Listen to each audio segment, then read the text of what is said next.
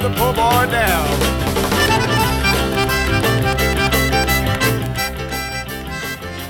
Bueno, lagunok, hemen gaude, ba, ez dakia noiztik, e, gaur berriro zabaldu dugu zuen soinu gela, eta, ba, egia esan, iraiaren lehenengoko hastian edo, hasi behar ginen, pasaden udan egin genduen azkenengo soinu gela, eta, bueno, ba, esango dizuet, e, ba, osasun aldetik e, makaltxo, egon naiz, eta ba, nabil, eta, bueno, erabaki nuen, iraian, ba, eh, adio, esatea, gure soinu gela zaioari. Baina, ba, pasaden abenduan, irratiko lagunekin baskaritxo batean, eta azkenean, bueno, animatu zait. E, animatu nintzen, em, ezin naz e, kompromisurik hartu, ba, astean behin lehengoko moduan egiteko. Baina, mm, esan nuen nik, gutxienez, hilean behin, bai, e, uste dut egin aldo dela. Eta hemen gaude, iraiaren azkenengo gunean, baina bete egin dugu hitza eta urtarrian berriro urte honetan, ikasturte honetan, lehenengoko soinu gela izango dugu. Bueno, fin time saio bat egingo dugu. Horatzen zarete lehen soinu gela, egiten gendu noiz behinka, ba, ian behin edo bilabetean behin, olako gaika eh, antolatutako saioak, gai, gai bat aukeratu, eta horretaz hainbeste kantu. Eta gaurkoa, ba, motorrezko ibilgailuak eta cars herrikantuetan jarri diogu izena soinu gelari. Bakizue, motorrezko ibilgailuak mm, Europan asmatu zituzten, baina garapen nagusia Amerikako estatu batuetan, hori bertan gertatu zen. Detroit irian hain zuzen, Henry Ford izeneko eh, enpresario batek eta beste askok ere, kate asko produzioa sortu zutenetik ba, mm, motorrezko ibilgailuak bihurtu ziren, bueno, gauza bak oso erabilgarria, mm, baina era berean olako plaga moduko edo mm, txa, gatza kontrolatzeko den tresna. Pentsa dez- dezakezuen ez, buka ezina dire iaia gai honetaz kantuak.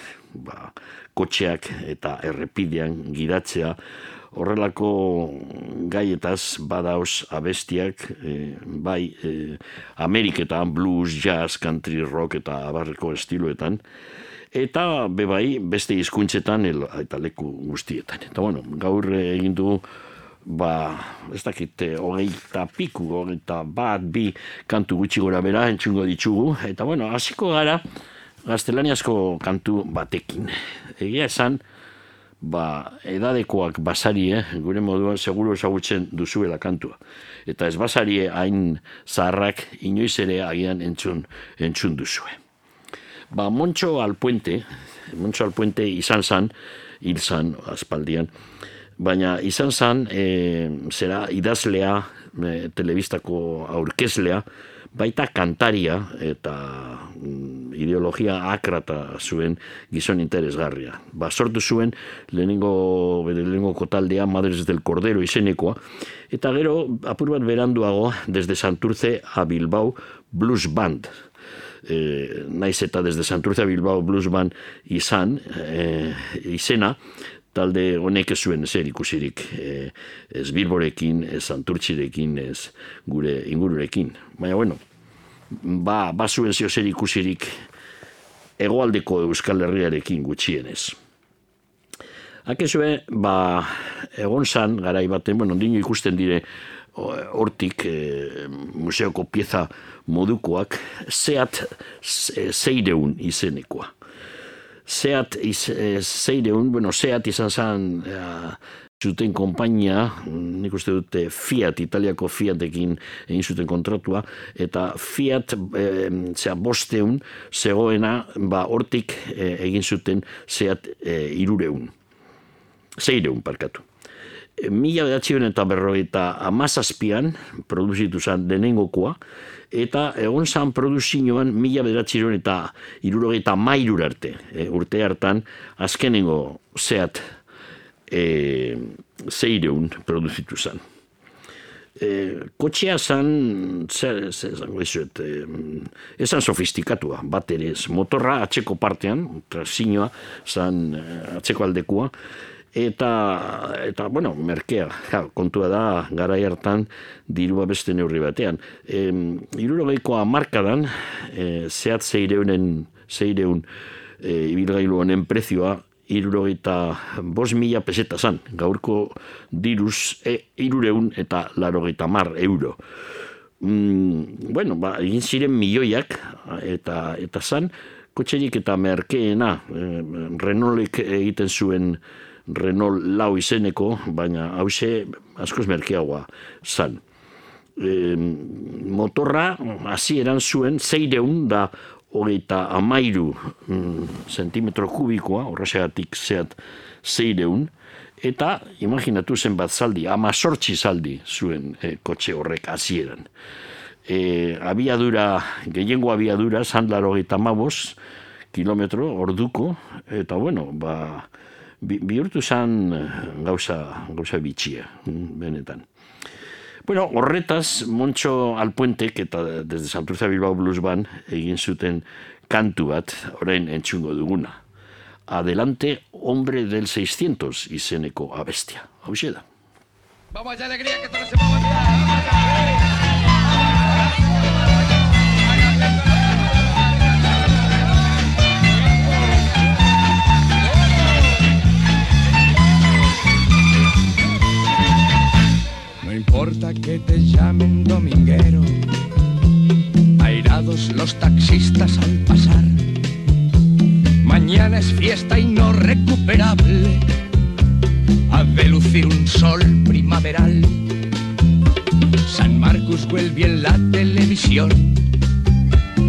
milagroso un infarto curará. Atentos al pronóstico del tiempo, aguacero chubasco temporal.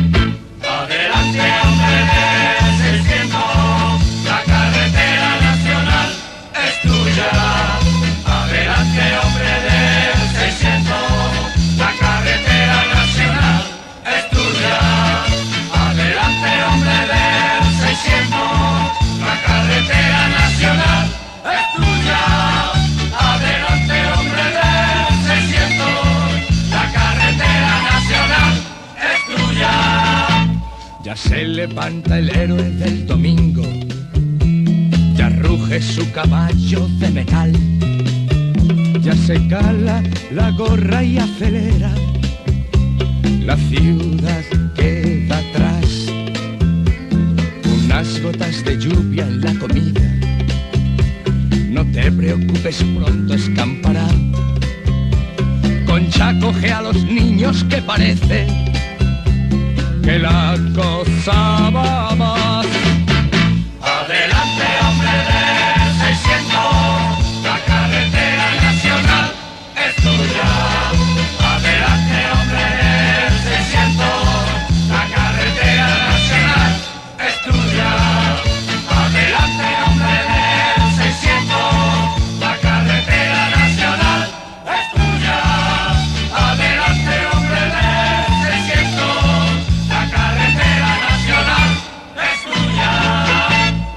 héroe del domingo cabizbajo agarrota su pie contra el pedal. La lenta procesión camina al negro pozo de la gran ciudad. Mañana es lunes, la semana empieza. Fatigado el caballo de metal. Triste figura porta el caballero Doña Concha comienza a bostezar. Ahora no corras, Pepe, ten cuidado. Ese loco que viene por detrás. Hay que parar porque la niña tiene irresistibles ganas de matar.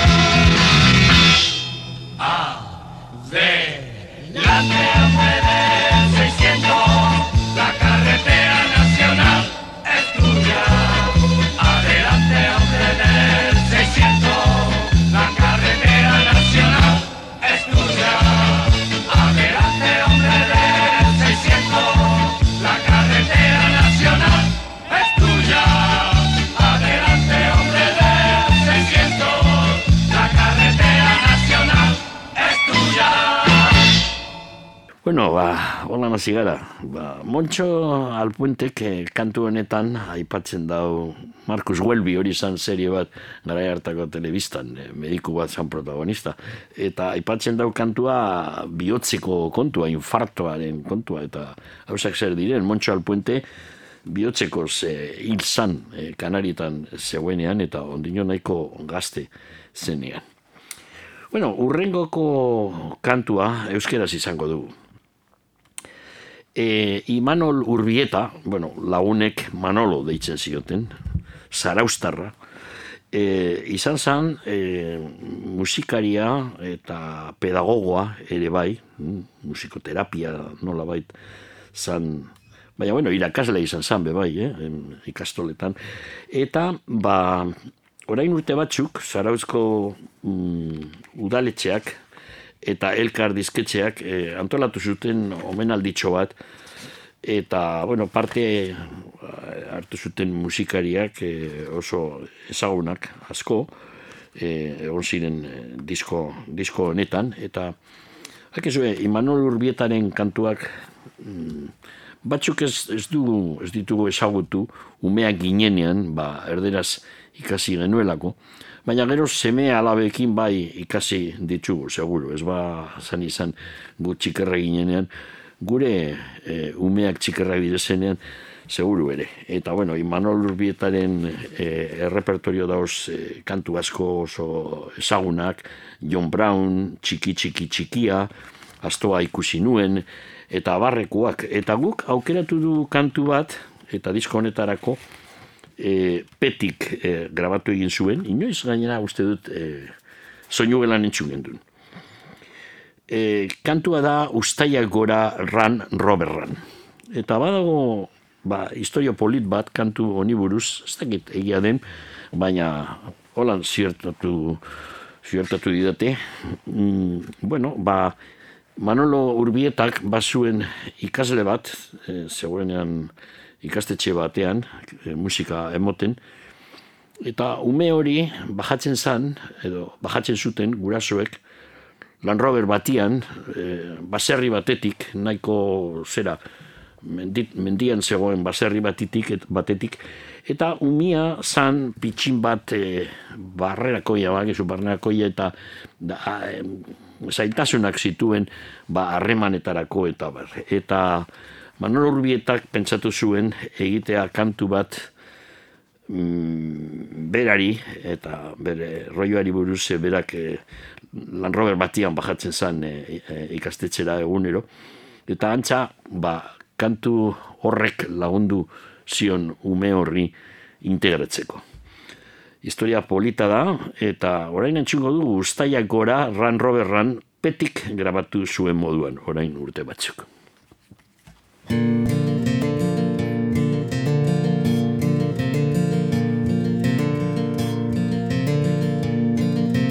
Hombre, Andoni, zabile memarna. Ja, ba, peki, ba, atzorrotzetik bueltan, apotzako bidian, La hostia, ba, horra marno genia, onjo bila.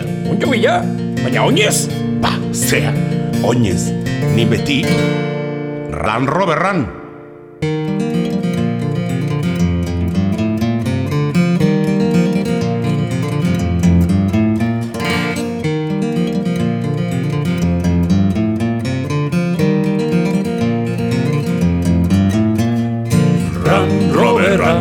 Po po po po po po po po Run Rover Run Po Ran, po po po po Run Rover Run Po po po po po po po po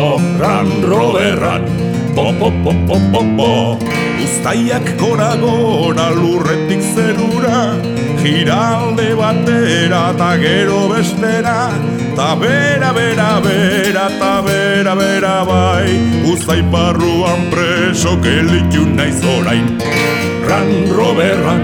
Pop, pop, pop, pop, pop, pop, pop, pop, Ran Rover Ran. Pop, pop, pop, pop, pop, pop, Ran Rover Ran. Pop, pop, pop, pop, pop, pop, pop, Ran Rover Ran. Pop, pop, pop, pop, pop, pop. Uztaiak gora gora lurretik zerura Giralde batera ta gero bestera Ta bera, bera, bera, ta bera, bera bai Uztai barruan preso gelditu orain Ran Rover Ran. Pop, pop, pop, pop, pop, pop, pop, pop, Ran Rover Ran. Pop, pop, pop, pop, pop, pop, Ran Rover Ran. Pop, pop, pop, pop, pop, pop, pop, pop, Ran Rover Ran. Pop, pop, pop, pop,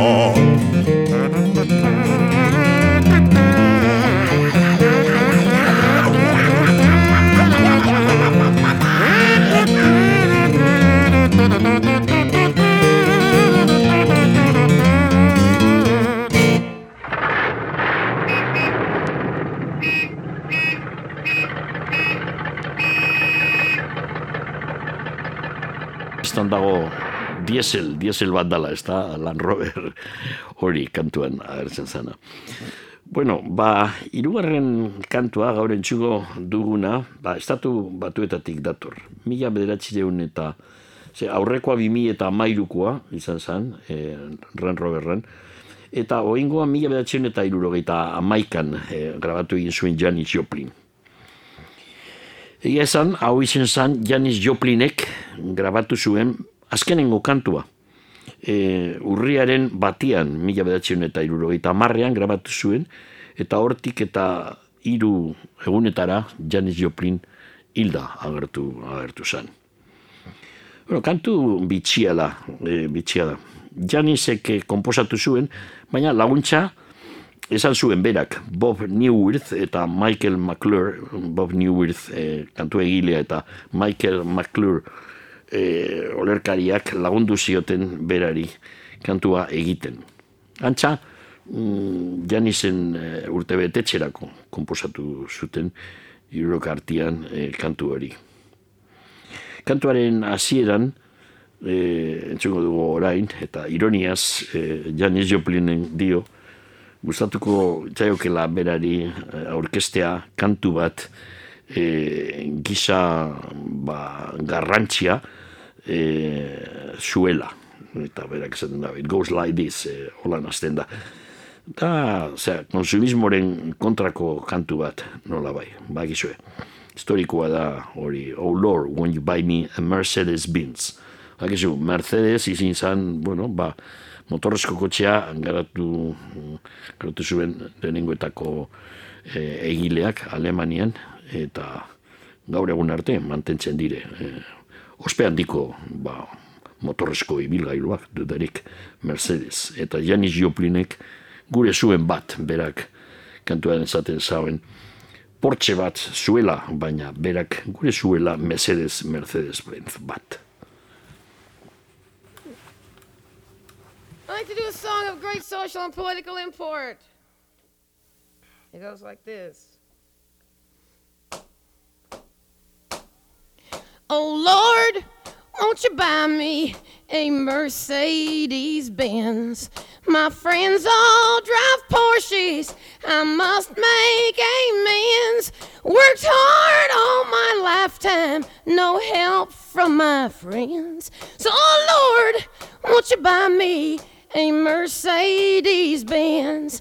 Oh Lord, won't you buy me a color TV?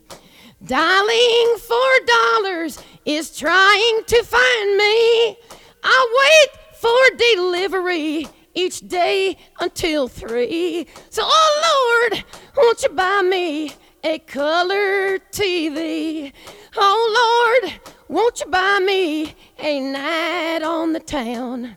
I'm counting on you, Lord. Please don't let me down. Prove that you love me and buy the next round. Oh Lord, won't you buy me a night on the town? Everybody, oh Lord, won't you buy me a Mercedes Benz? My friends all drive Porsches. I must make amends.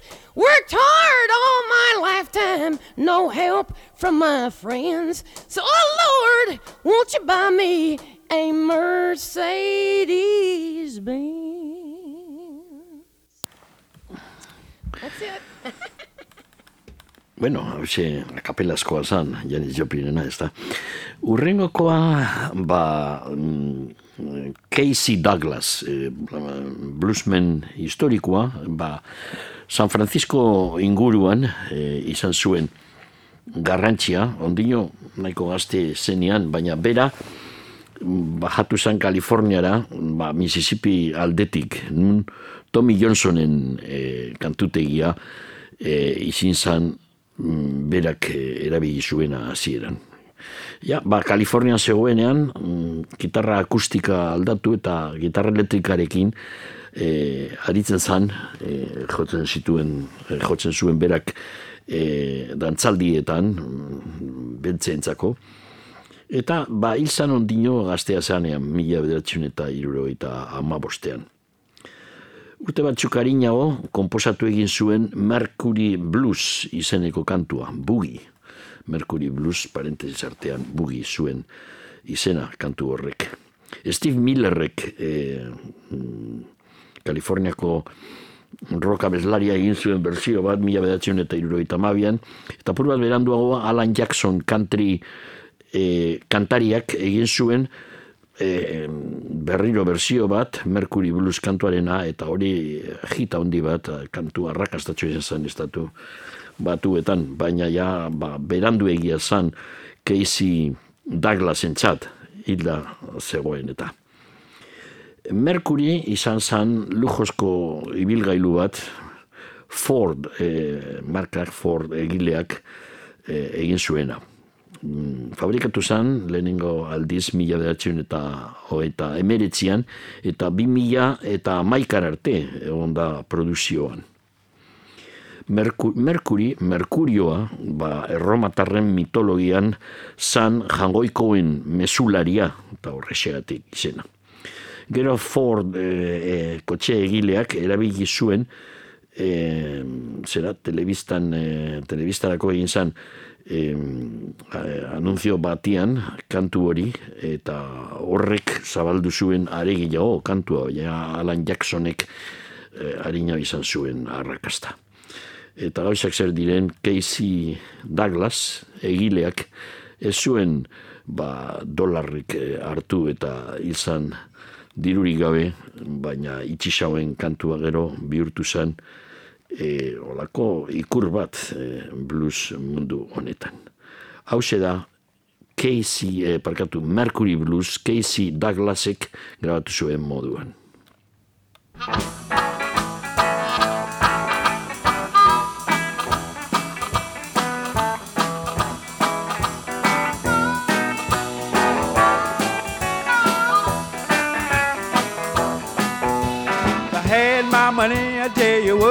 Do. I would go downtown and buy a Mercury too. I'm crazy about a Mercury.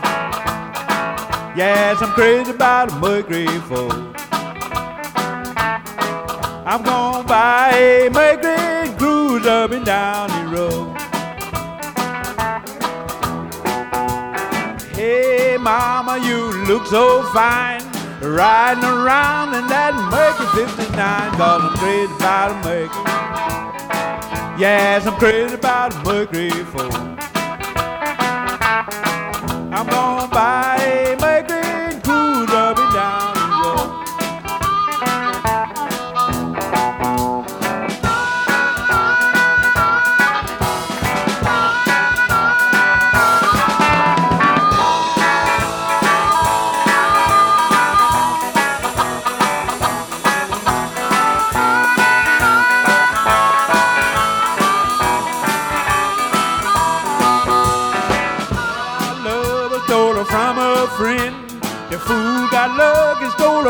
again. God, you know he had make it. Yeah, you know he had a mercury fool. I'm gonna buy a and cruise up and down the road. Baby went out and she didn't stay long. She bought her Mercury, come cruising home. God, crazy about a Mercury fool.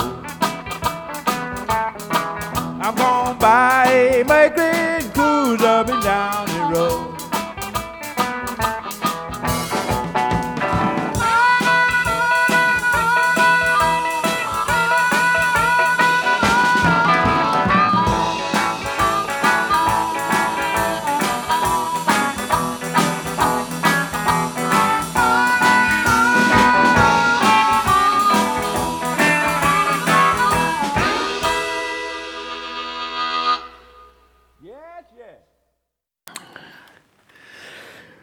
Bueno, ba, Kalifornian eh, egon gara ontxe, eh, Casey Douglas, Mississippi eh, aldetik eh, viajatu zen, egin zuen bidaia Kaliforniara, eta bertan Kalifornian egin zen eh, blues kantari famatua. Eta eh, oingo taldea orain bi kantu jarraian, talde ba, berberak eh, egin zituen, The Beach Boys. The Beach Boys Kalifornian izan ziren ba, musikari garrantzitsu bat, oso eraginkorrak. Mm. Bueno, entxuko dugun kantua, lehenengokoa, deitzen da fun, fun, fun. Ba, ondo pasatzea, ondo pasatzea, ondo pasatzea. E, mila bederatzireun eta mm, irurogeita lauan egin zuten kantua. Grabatu egin zuten urtarrian, urte hartan, eta otxaiaren iruan kaleratu zen kantua. Brian Wilson, ba, taldearen burue, eta Mike Love, eta Mike Lovek eh, abestu zuten kantua konkretuki, bion artean komposatu zuten. E, kantua dago mm, doinoa behintzat hasierako eh, hasierako konpasak oinarrituta eh, Chuck Berryren Johnny B. Good eh, kantuan. Historioa da, ba, egon ziren eurek KNAK e, irratian, Salt Lake City, Utah, eta hor entzun zuten zeran, ba, irratiaren jabearen alaba, zirli izenekoa, eskatu zion bere aitari e, kotxea, e, T-Bird bat, bakizu Ford Thunderbird, olako trasto haundie, kriston, kriston kotxea, e, esan ez, bere aitari, ba, liburutegira joango zara, e, joango zela ikastera. Baina zirlik e, egin zuen egin zen hartu kotxea, jarri irratia e, altue, eta ba, joan zan e, erritik harin-harin ba, hamburgueseria batera, horako jatetxe batera. Eta bere aitak e, aurkitu zuen zer gertatu zen, eta kendu zizkion giltzak, e, kotxerako giltzak. Historio uh, lelo bat, baina Wilson, Brian Wilson eta e, Mike Lovek pentsatu zuten hor zegoen historio bat egiteko kantua, eta barakizu, The Beach Boys taldean egon ziren hiru anaiak, hiru anaia Wilson, e, zera, anaiak gehi gero lengusua, Mike Love euren lengusua esan, eta euren managerra zan Wilsonen aita Murray Wilson, oso tipo iluna benetan. Berak ez zuen gure, eurek egitea kantu hori, pentsatzen zuen eh, eredu garria ezala historioa, eta azkenean eh, Wilson anaiek erabaki zuten, ba, Murray Wilson eza izingo euren manarria e, etorkizunean. Bueno, hau da kantuaren historia, oso arrakastatxoa izan zen, Kalifornian, eta izena, esan dugun moduan, fan, fan, fan.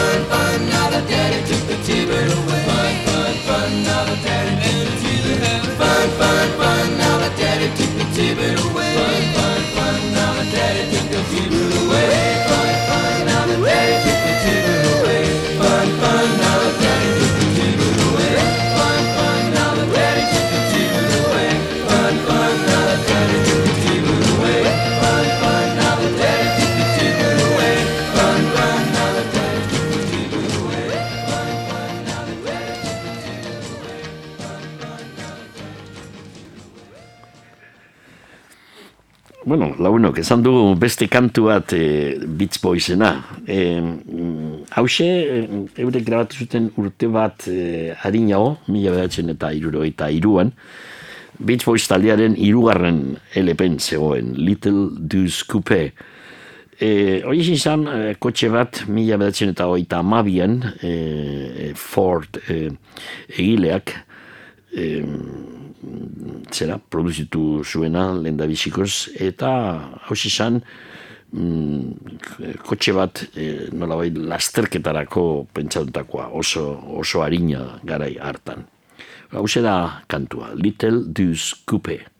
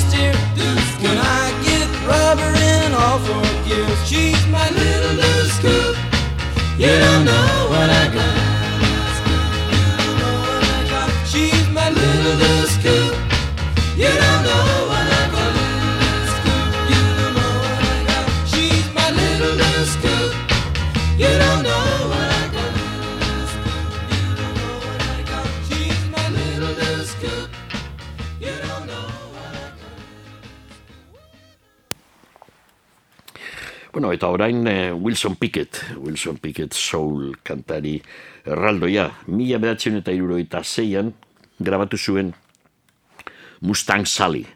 Kantua urte bat harinago mm, Mark Raisek komposatu zuen, eta e, Wilson Pickettek grabatu egin zuen abestia Alabamako Florence e, herrian e, Muscle Souls estudioetan Jerry Wexler eta Rick Hall produktoreekin. Bueno, Mustang da Ford e, kotxe egileren beste e, modelo historikoa benetan eta ba, horretaz egin zuen eh, e, Mac Riceek e, kantua eta gero grabatu egin zuen e, Wilson Pickett eta beste jende askok ere bai. E, Ride, Charlie Ride agertzen da hemen e, estribiluan behin eta berriro errepikatzen dau. Eta e, hori da mm, neska bat historia honetan dagoena, Mustang Sally.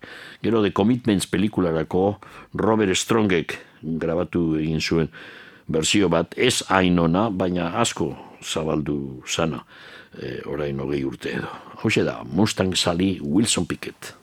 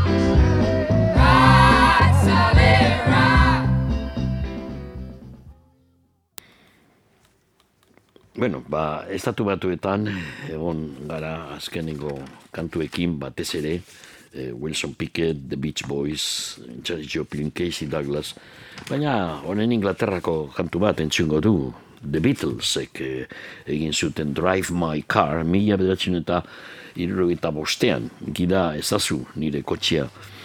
Bueno, kantua eh, agertu zan The Beatlesen zeigarren eh, viniloan, zeigarren LPen, mm, mila bederatzen eta irurogeita bostean, abenduaren iruan, kal, eh, zera, kaleratu zan disko hori, mm, lau hilabete harinago, Help pelikularako egindako LPa, Hola zan historioa irurogei eta irurogeita marreko amarkadan, eurek eh, hiru urtetan eta sei vinilo, sei LP egin zuten denbora horretan. Hiru lau hilabetero ba, disko berri bat zuten. Langiletxoak ziren, eh? Paul eta Johnen, John Lennon eta Paul McCartneyren artean egindako kantua, baina batez be Paul, eh, Paul McCartneyrena da. John Lennon antxa egon zan Paul McCartneyren etxian, eh, Londresen, eta bion artean egin zuten kantua, doinua batez ere Paul McCartneyera zan, gero mm, estudioan George Harrisonek lagundu zion Paul McCartneyri apur bat e, ekoizteko doinua, baina hitzak ez ziren oso argiek eta ba, John Lennonek egin zituen hitzak batez ere.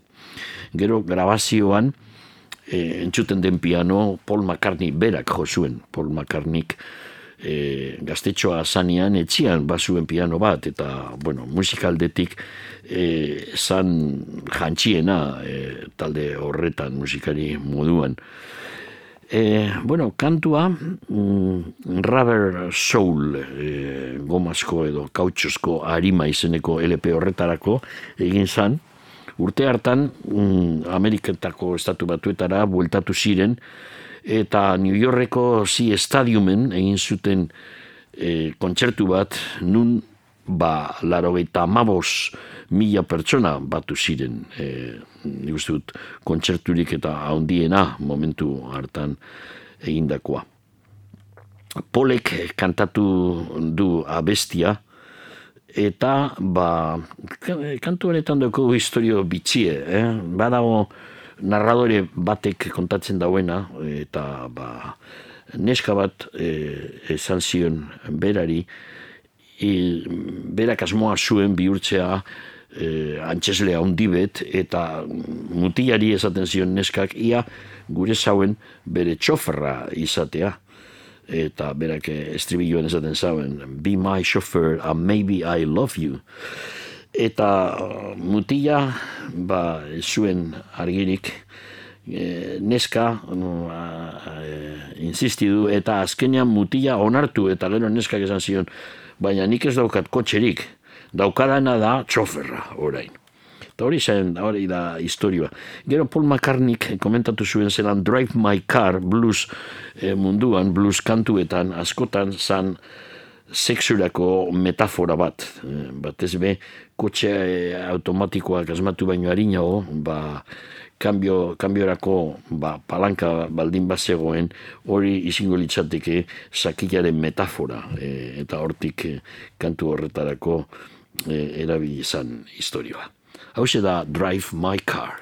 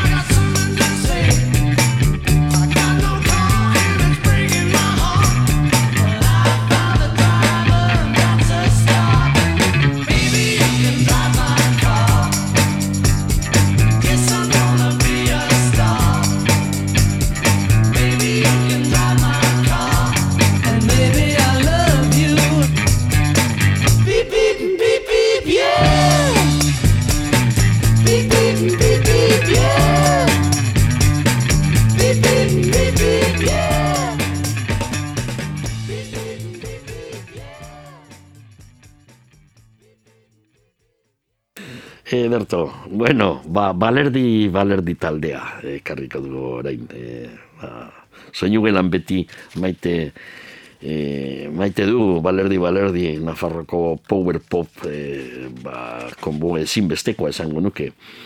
Hogeita mar urtez e, badabiltzate, eta, bueno, ba, hasieran beste e, pare bat talde, fiebre eta motos e, izenekoak egon ziren, eta gero balerdi, balerdi, gaur egun arte e, euren azkenengo grabazio zuan, e, hori izan zuen izena galtzen ikasteko metodoa.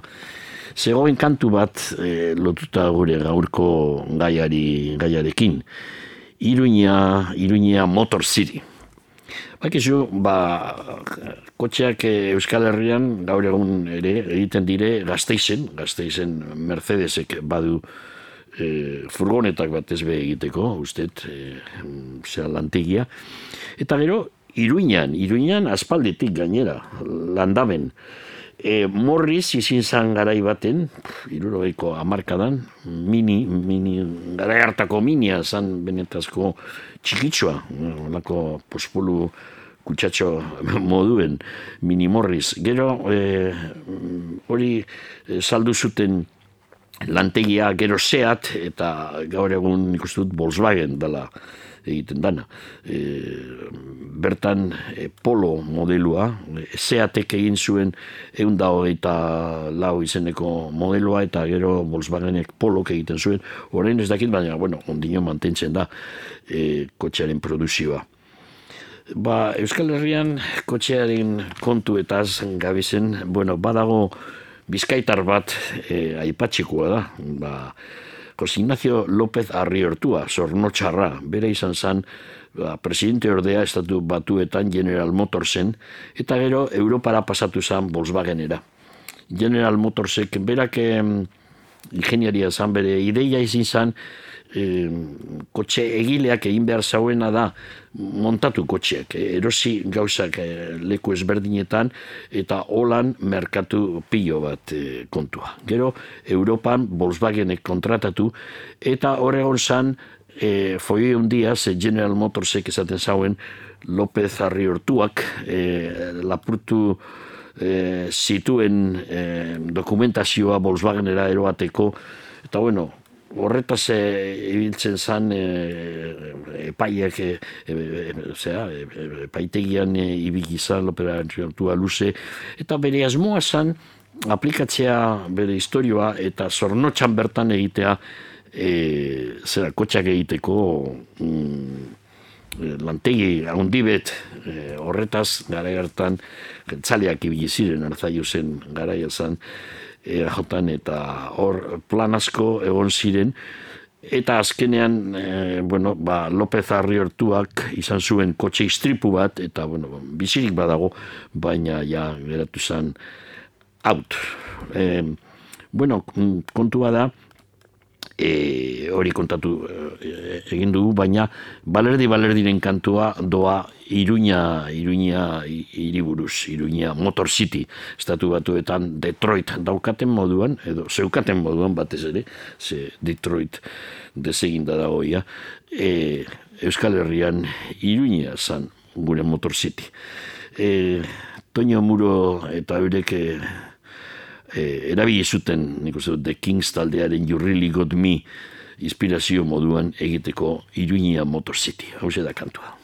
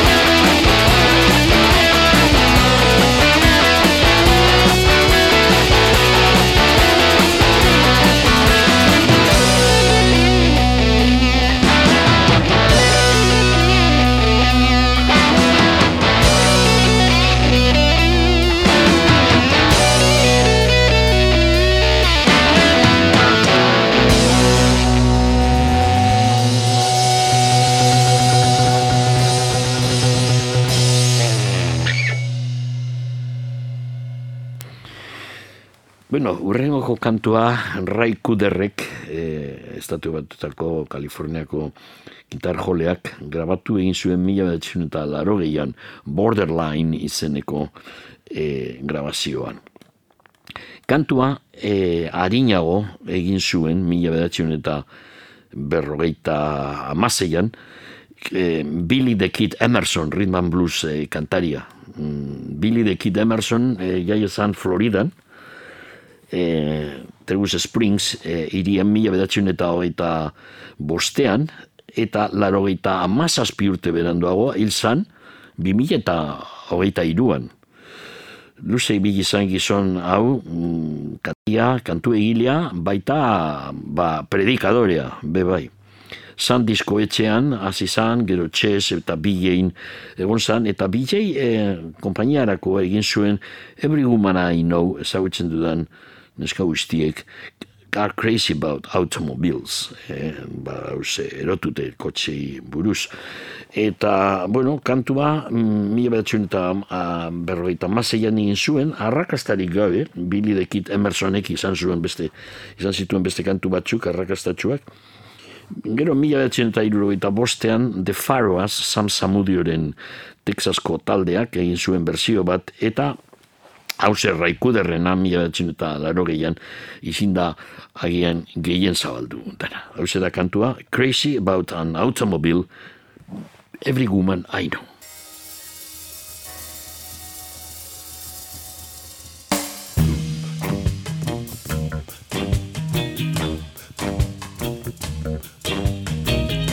Man, I'm gonna tell you my story. Go on, tell about it. Go on, tell about it. Just what I've been doing. Well, you know, now I used to be particular about the women that I picked. Uh-huh. Yeah, they used to be tender, lean, and tall. That's all. But the way things has been going, I take them knock-kneed and bow-legged. What? I'll even take them bald. Oh, no, man. I'll tell you why. Please tell me why. Every woman I know is crazy about automobile. Every woman I know is crazy about automobile. And here I am standing with nothing but rubber heels.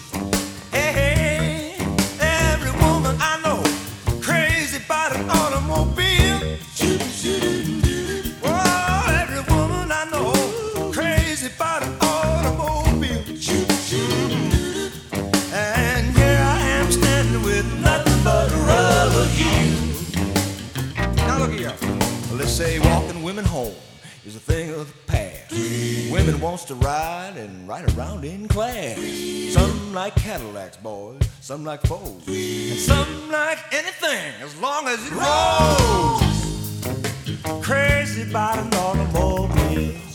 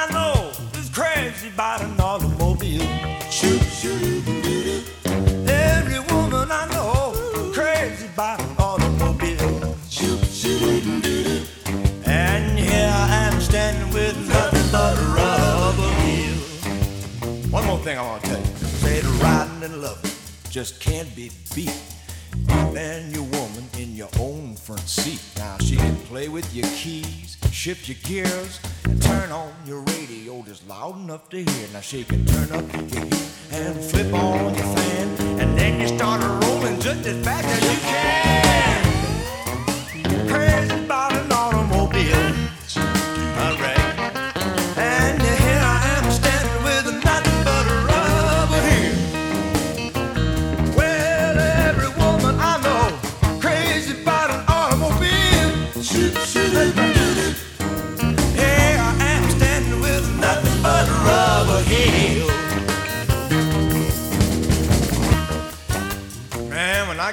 money, I just got to get me some kind of automobile. You don't seem like the women in this town just don't pay no attention to you unless you're driving. Hey, look at that big, fine Buick over there. Ooh, I like that one. Say, now look like somebody left the keys in it. Let's take a ride what a rubber he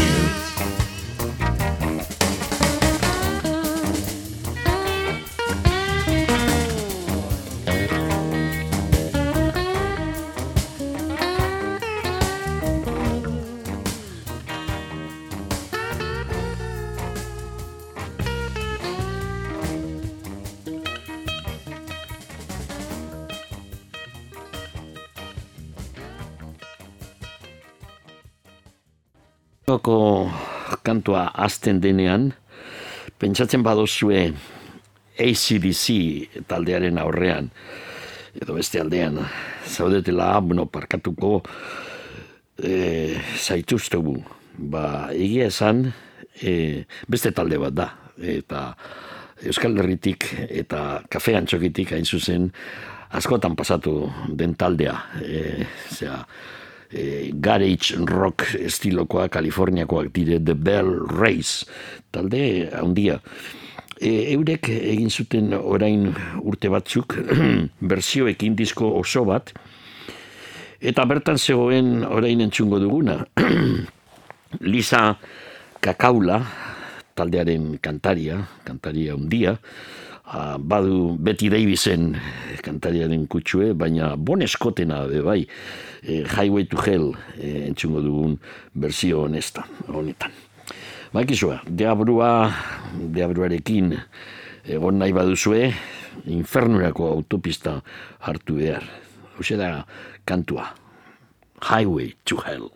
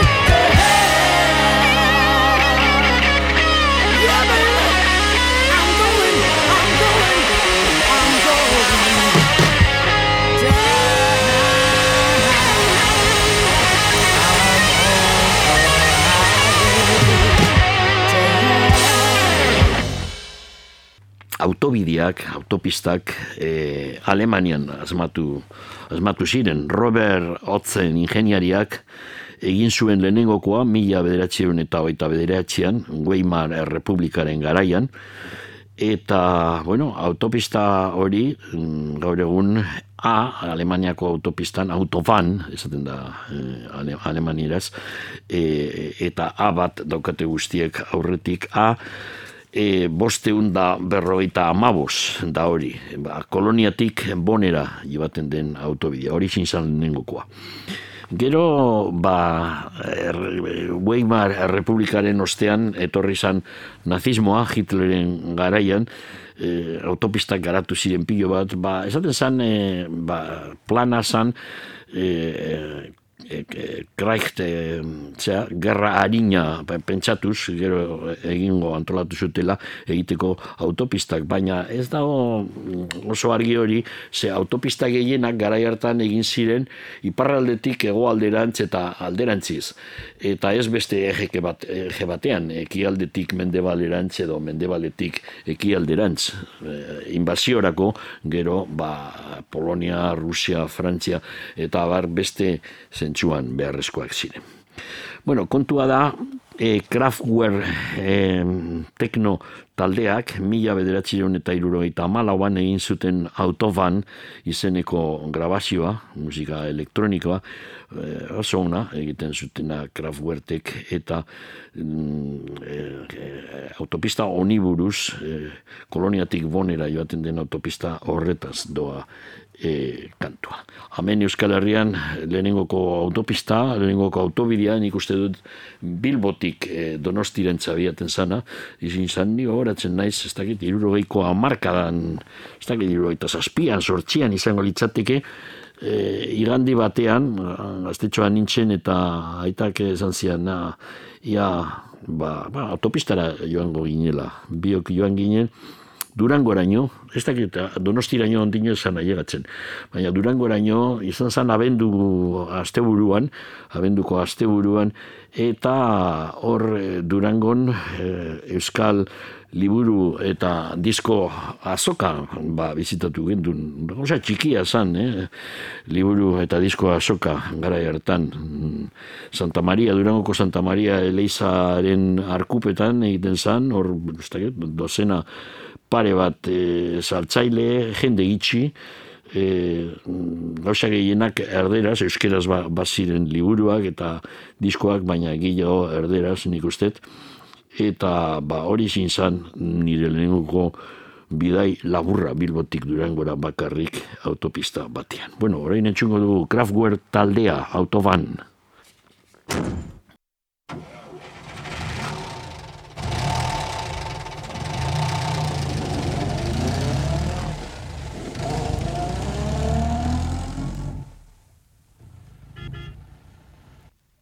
Bye.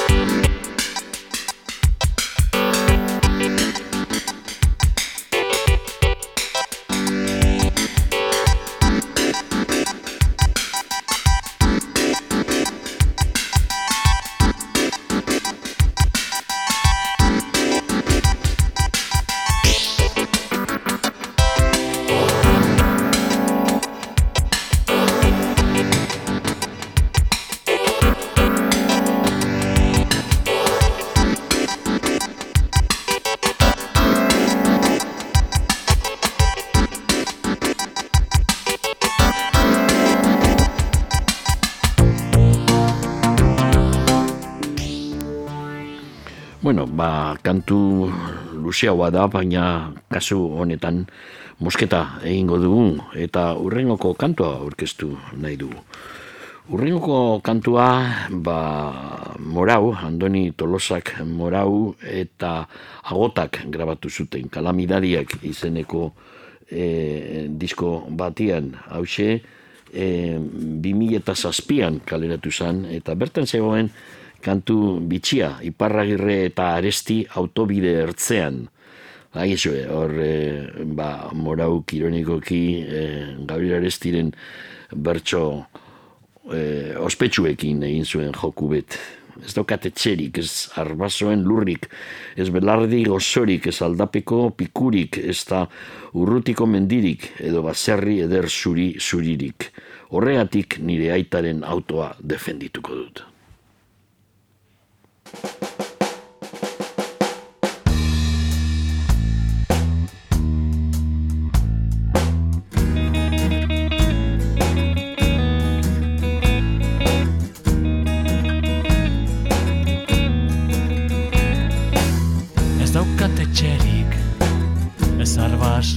lurrik, ez belardi gozorik, ez taldapeko pikurik, ez da urrutiko mendirik, edo baserri eder zuri zuririk. Horregatik, nire aitaren autoa defendituko dute. Sikateriaren kontra, lukurreroen kontra defenditu eginen dute. Nire aitaren autoa, nire aitaren autoa, nire aitaren autoa, nire aitaren autoa.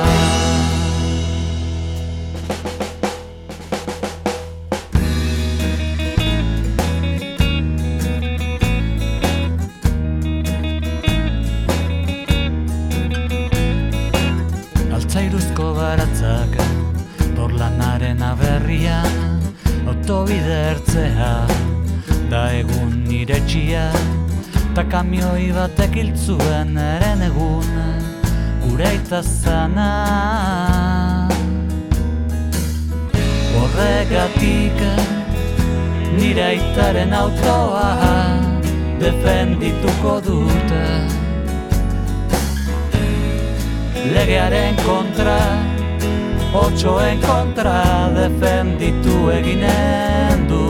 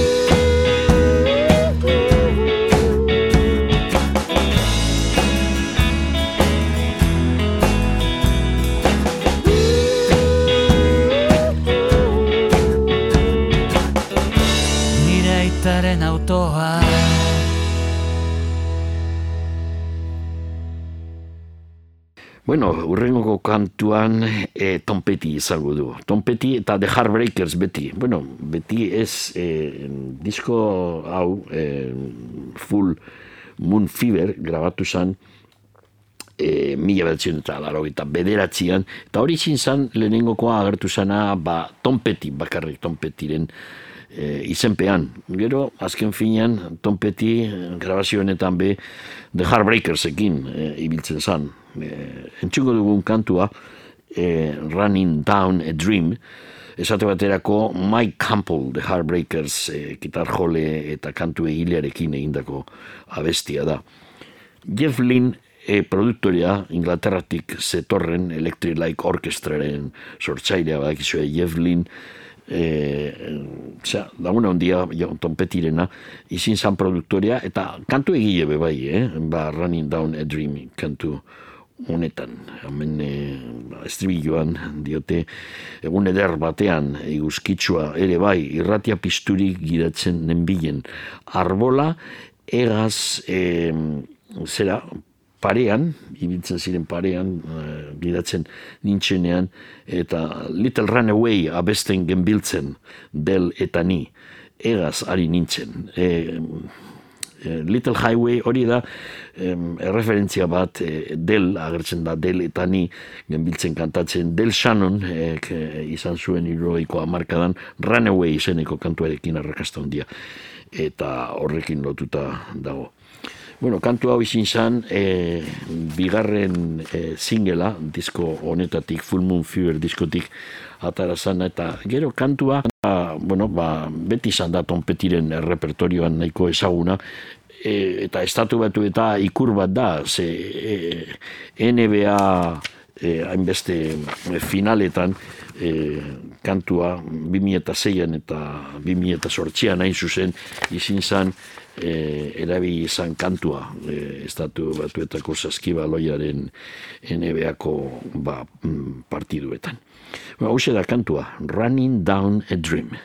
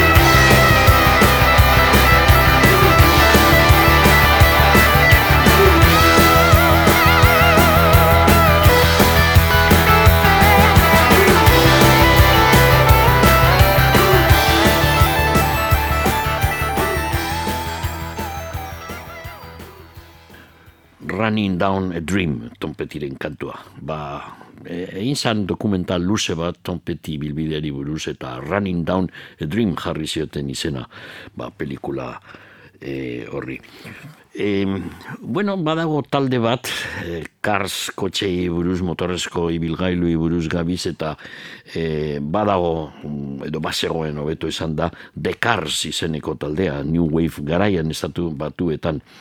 Euren bosgarren diskoan, Heartbeat e, City izenekoan, e, agertzen zan driving izeneko kantua. Bakizu, Rico Kasek, basu joleak berak komposatzen zituen kantu guztiek e, The Cars taldearen txat, baina Benjamin e, horrek izan zan abeslaria kantu honetan.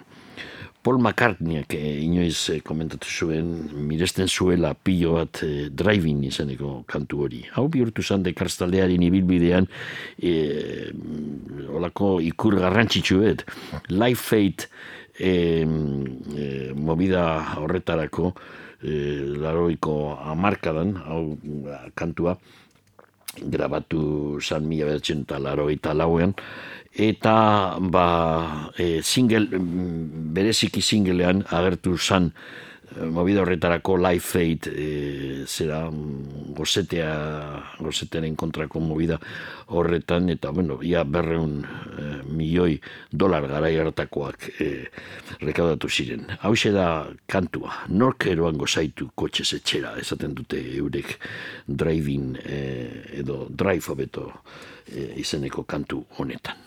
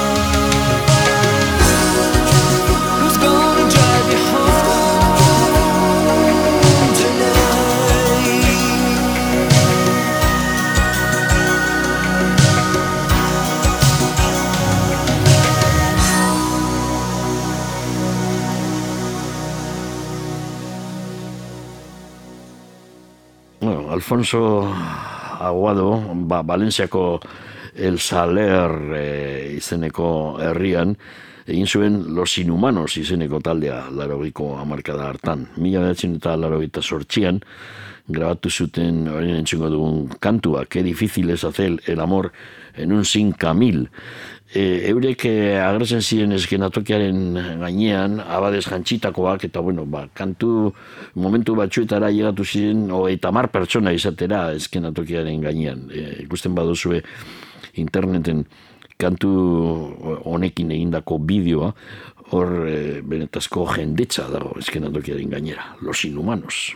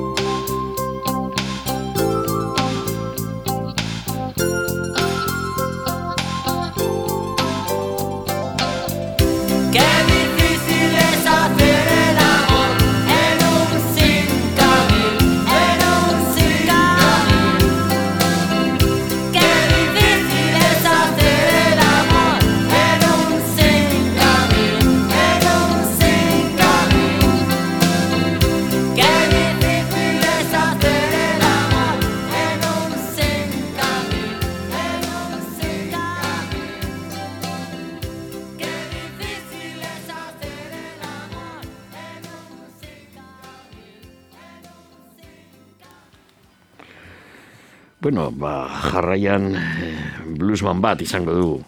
Eta ez edozein bluesman, Robert Johnson. E, hogeita amarreko amarkadan pasaden mendean Robert Johnsonek grabatu zituen, ez kantu asko, eh? hogeita amapiku kantu grabatu zituen guztire.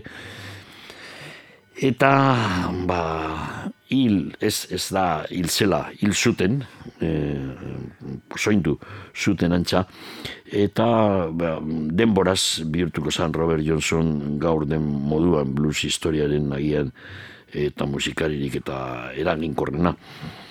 E, mila bederatzen eta ba, hogeita amazazpian, grabatu egin zuen, e, hogeita amaseian parkatu, grabatu egin zuen e, Texasko San Antonio irian, e, Gunter e, Hotel, ostatu batean, mm, hainbeste kantu, eta bat izan zen Terraplane Blues, vokalion disko etxean agertu zen kantua, Eta hori zin zan, ze, mm, Robert Johnsonek eh, saldu zauen, gehien saldu zuen e, blusa.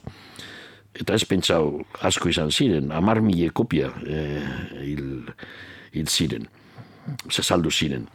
E, terrapein, terrapein e, izin zan berriro ere, ba for egileak e, egindako kotxe bat, terrapein zan lako trasto handi bat, eta, bueno, Robert Johnsonek kotxe, kotxe hori egin zan, ez txarto esan, esan dizuet, esan for egileak, Hudson, Hudson izeneko motor eh, company bat, eh, entrepresa bat Detroitkoa, egin zuen kotxea, mila batzion eta eh, ama, amairuan hasi eta bost eh, urtez eh, ibi izan fabrikatzen egiten kotxe hau. E, Robert Johnsonen kantua, terraplane kotxe hori ba, sexualen metafora luze bat du. Hau da kantua, terraplane blues. And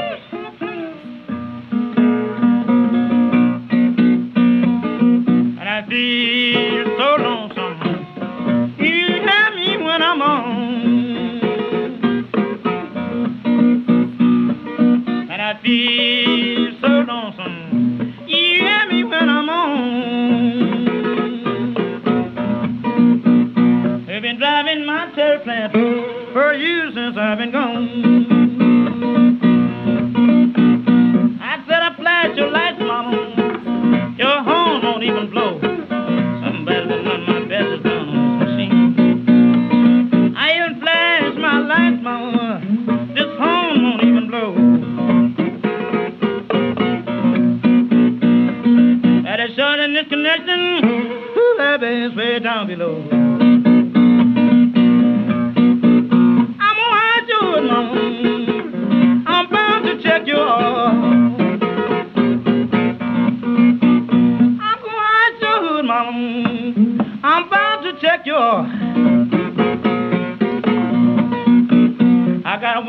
I'm loving way down in Arkansas. Now you know the cars ain't even buzzing. Little generator won't get that far. Or in a bad condition you gotta have. These batteries charged, but I'm crying, please. Please don't do me wrong. I've been driving my terry plant now for since I've been gone. Highwayman, please don't block the road.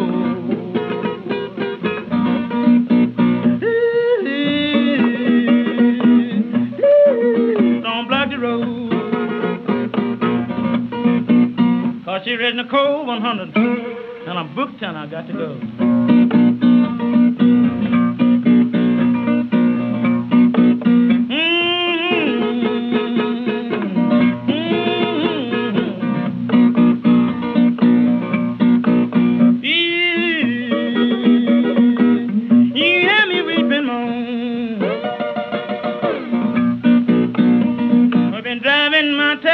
For whew, since I've been gone.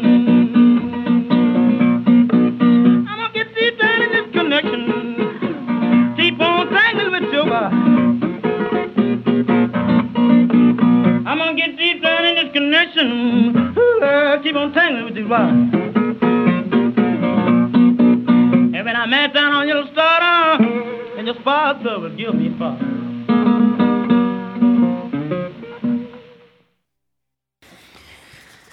Ederto, lagunok. bueno, jarraituko dugu e, zera, blues musikarekin.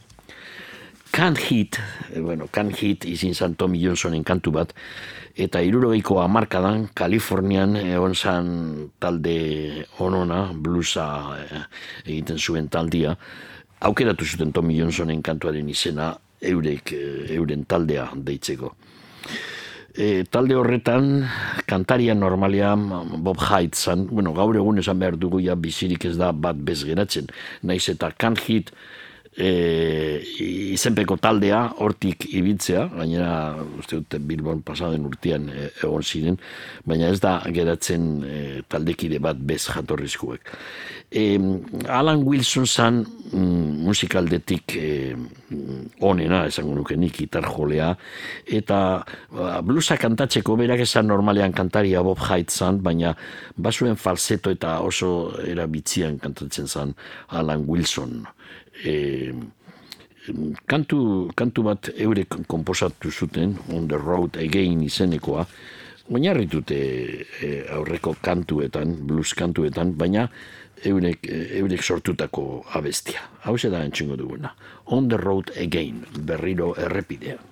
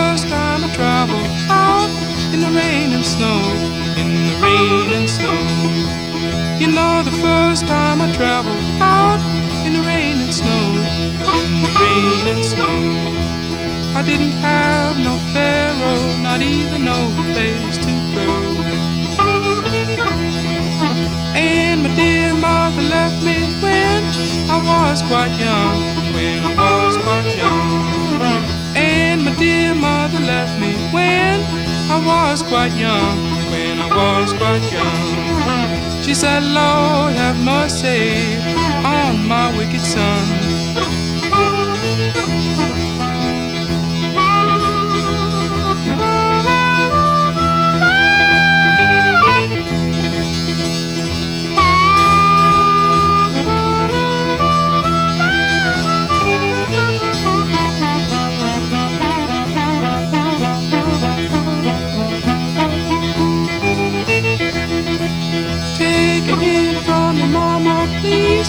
Don't you cry no more. Don't you cry no more. Take a hint from your mama, please. Don't you cry no more. Don't you cry no more. Cause it's soon one morning. Down the road I'm gone. But I ain't going down that long old lonesome road all by myself.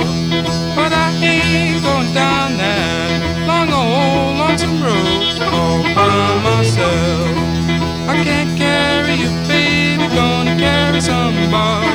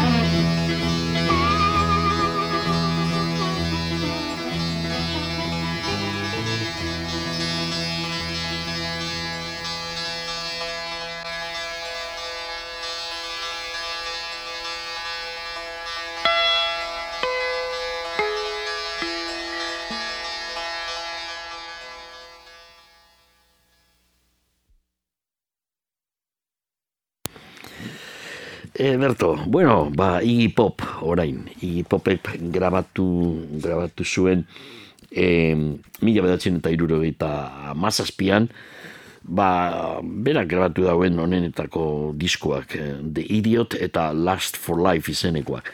Bi kasuetan, pro, e, zera, eh, produktorea David Bowie izin zan, biek hogeita mar urtekoak ziren urte hartan, eta bueno, David Bowie hil zan, baina Iggy Pop bidean dago. E, Last for Life disko horretan zegoen e, kantu bat gaur entxungo duguna, The Passenger izenekoa.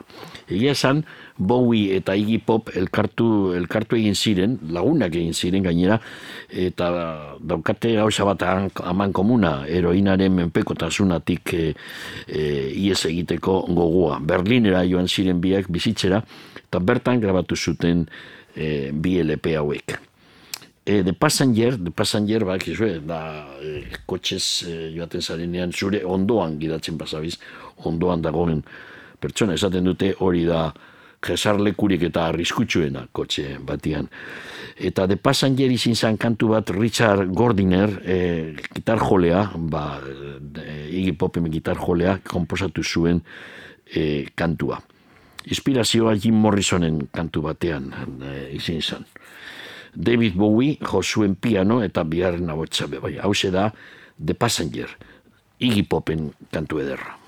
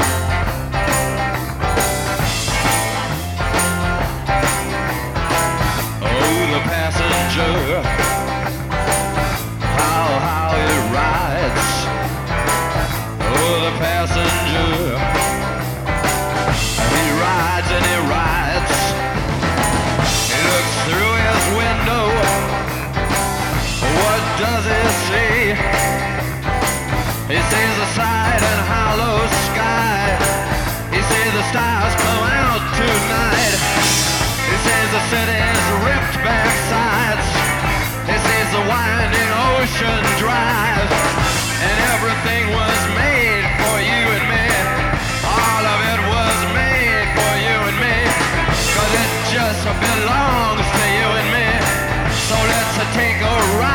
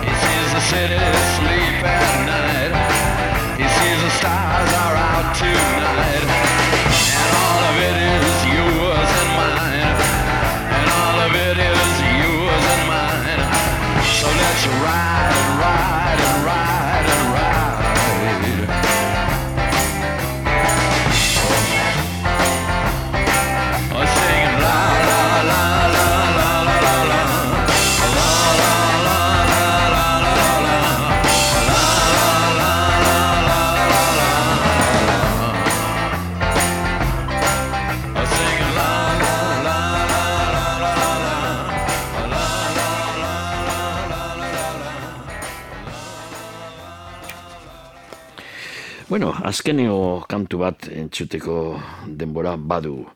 E, PJ Harvey, Inglaterrako kantari kantu egia, bide luzea egin dau mundu honetan eta beti kalitatezko abestiekin. Mila bederatzion eta laro mairuan, grabatu zuen demo bat driving izenekoa, gidatuz. Hau da kantua.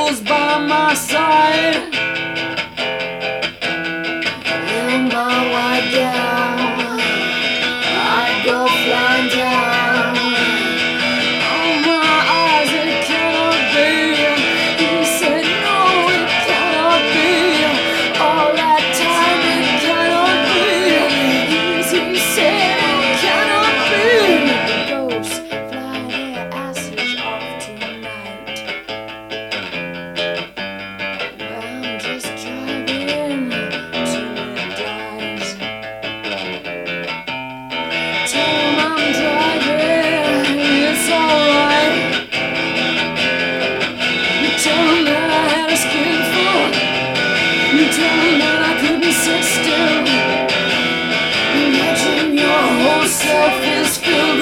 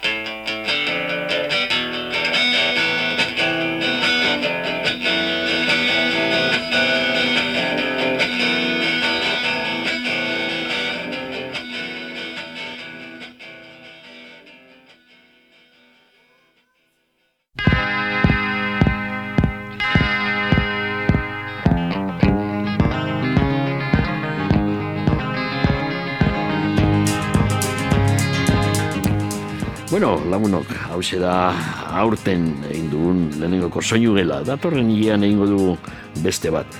E, gaurkoa izan da motorrezko ibilgailuak eta kars edo herri kantuetan hori izan da gure gaurko gaia. Entzun ditu apur bat denetarik, eh? desde Santurce a Bilbao Blues Band, Petty, Janis Joplin, Casey Douglas, The Beach Boys, Bitan, eh, Wilson Pickett, The Beatles, Balerdi Balerdi, eh, Ray Cooder, The Bell eh, Kraftwerk, Morau eta Agotak, Tom Petty, Cars, Los Inhumanos, Robert Johnson, Can Hit, Iggy Pop eta bukatzeko PJ Harvey. Bueno, datorren esan dugun moduan berriro egongo gara soinu gelan. Aur!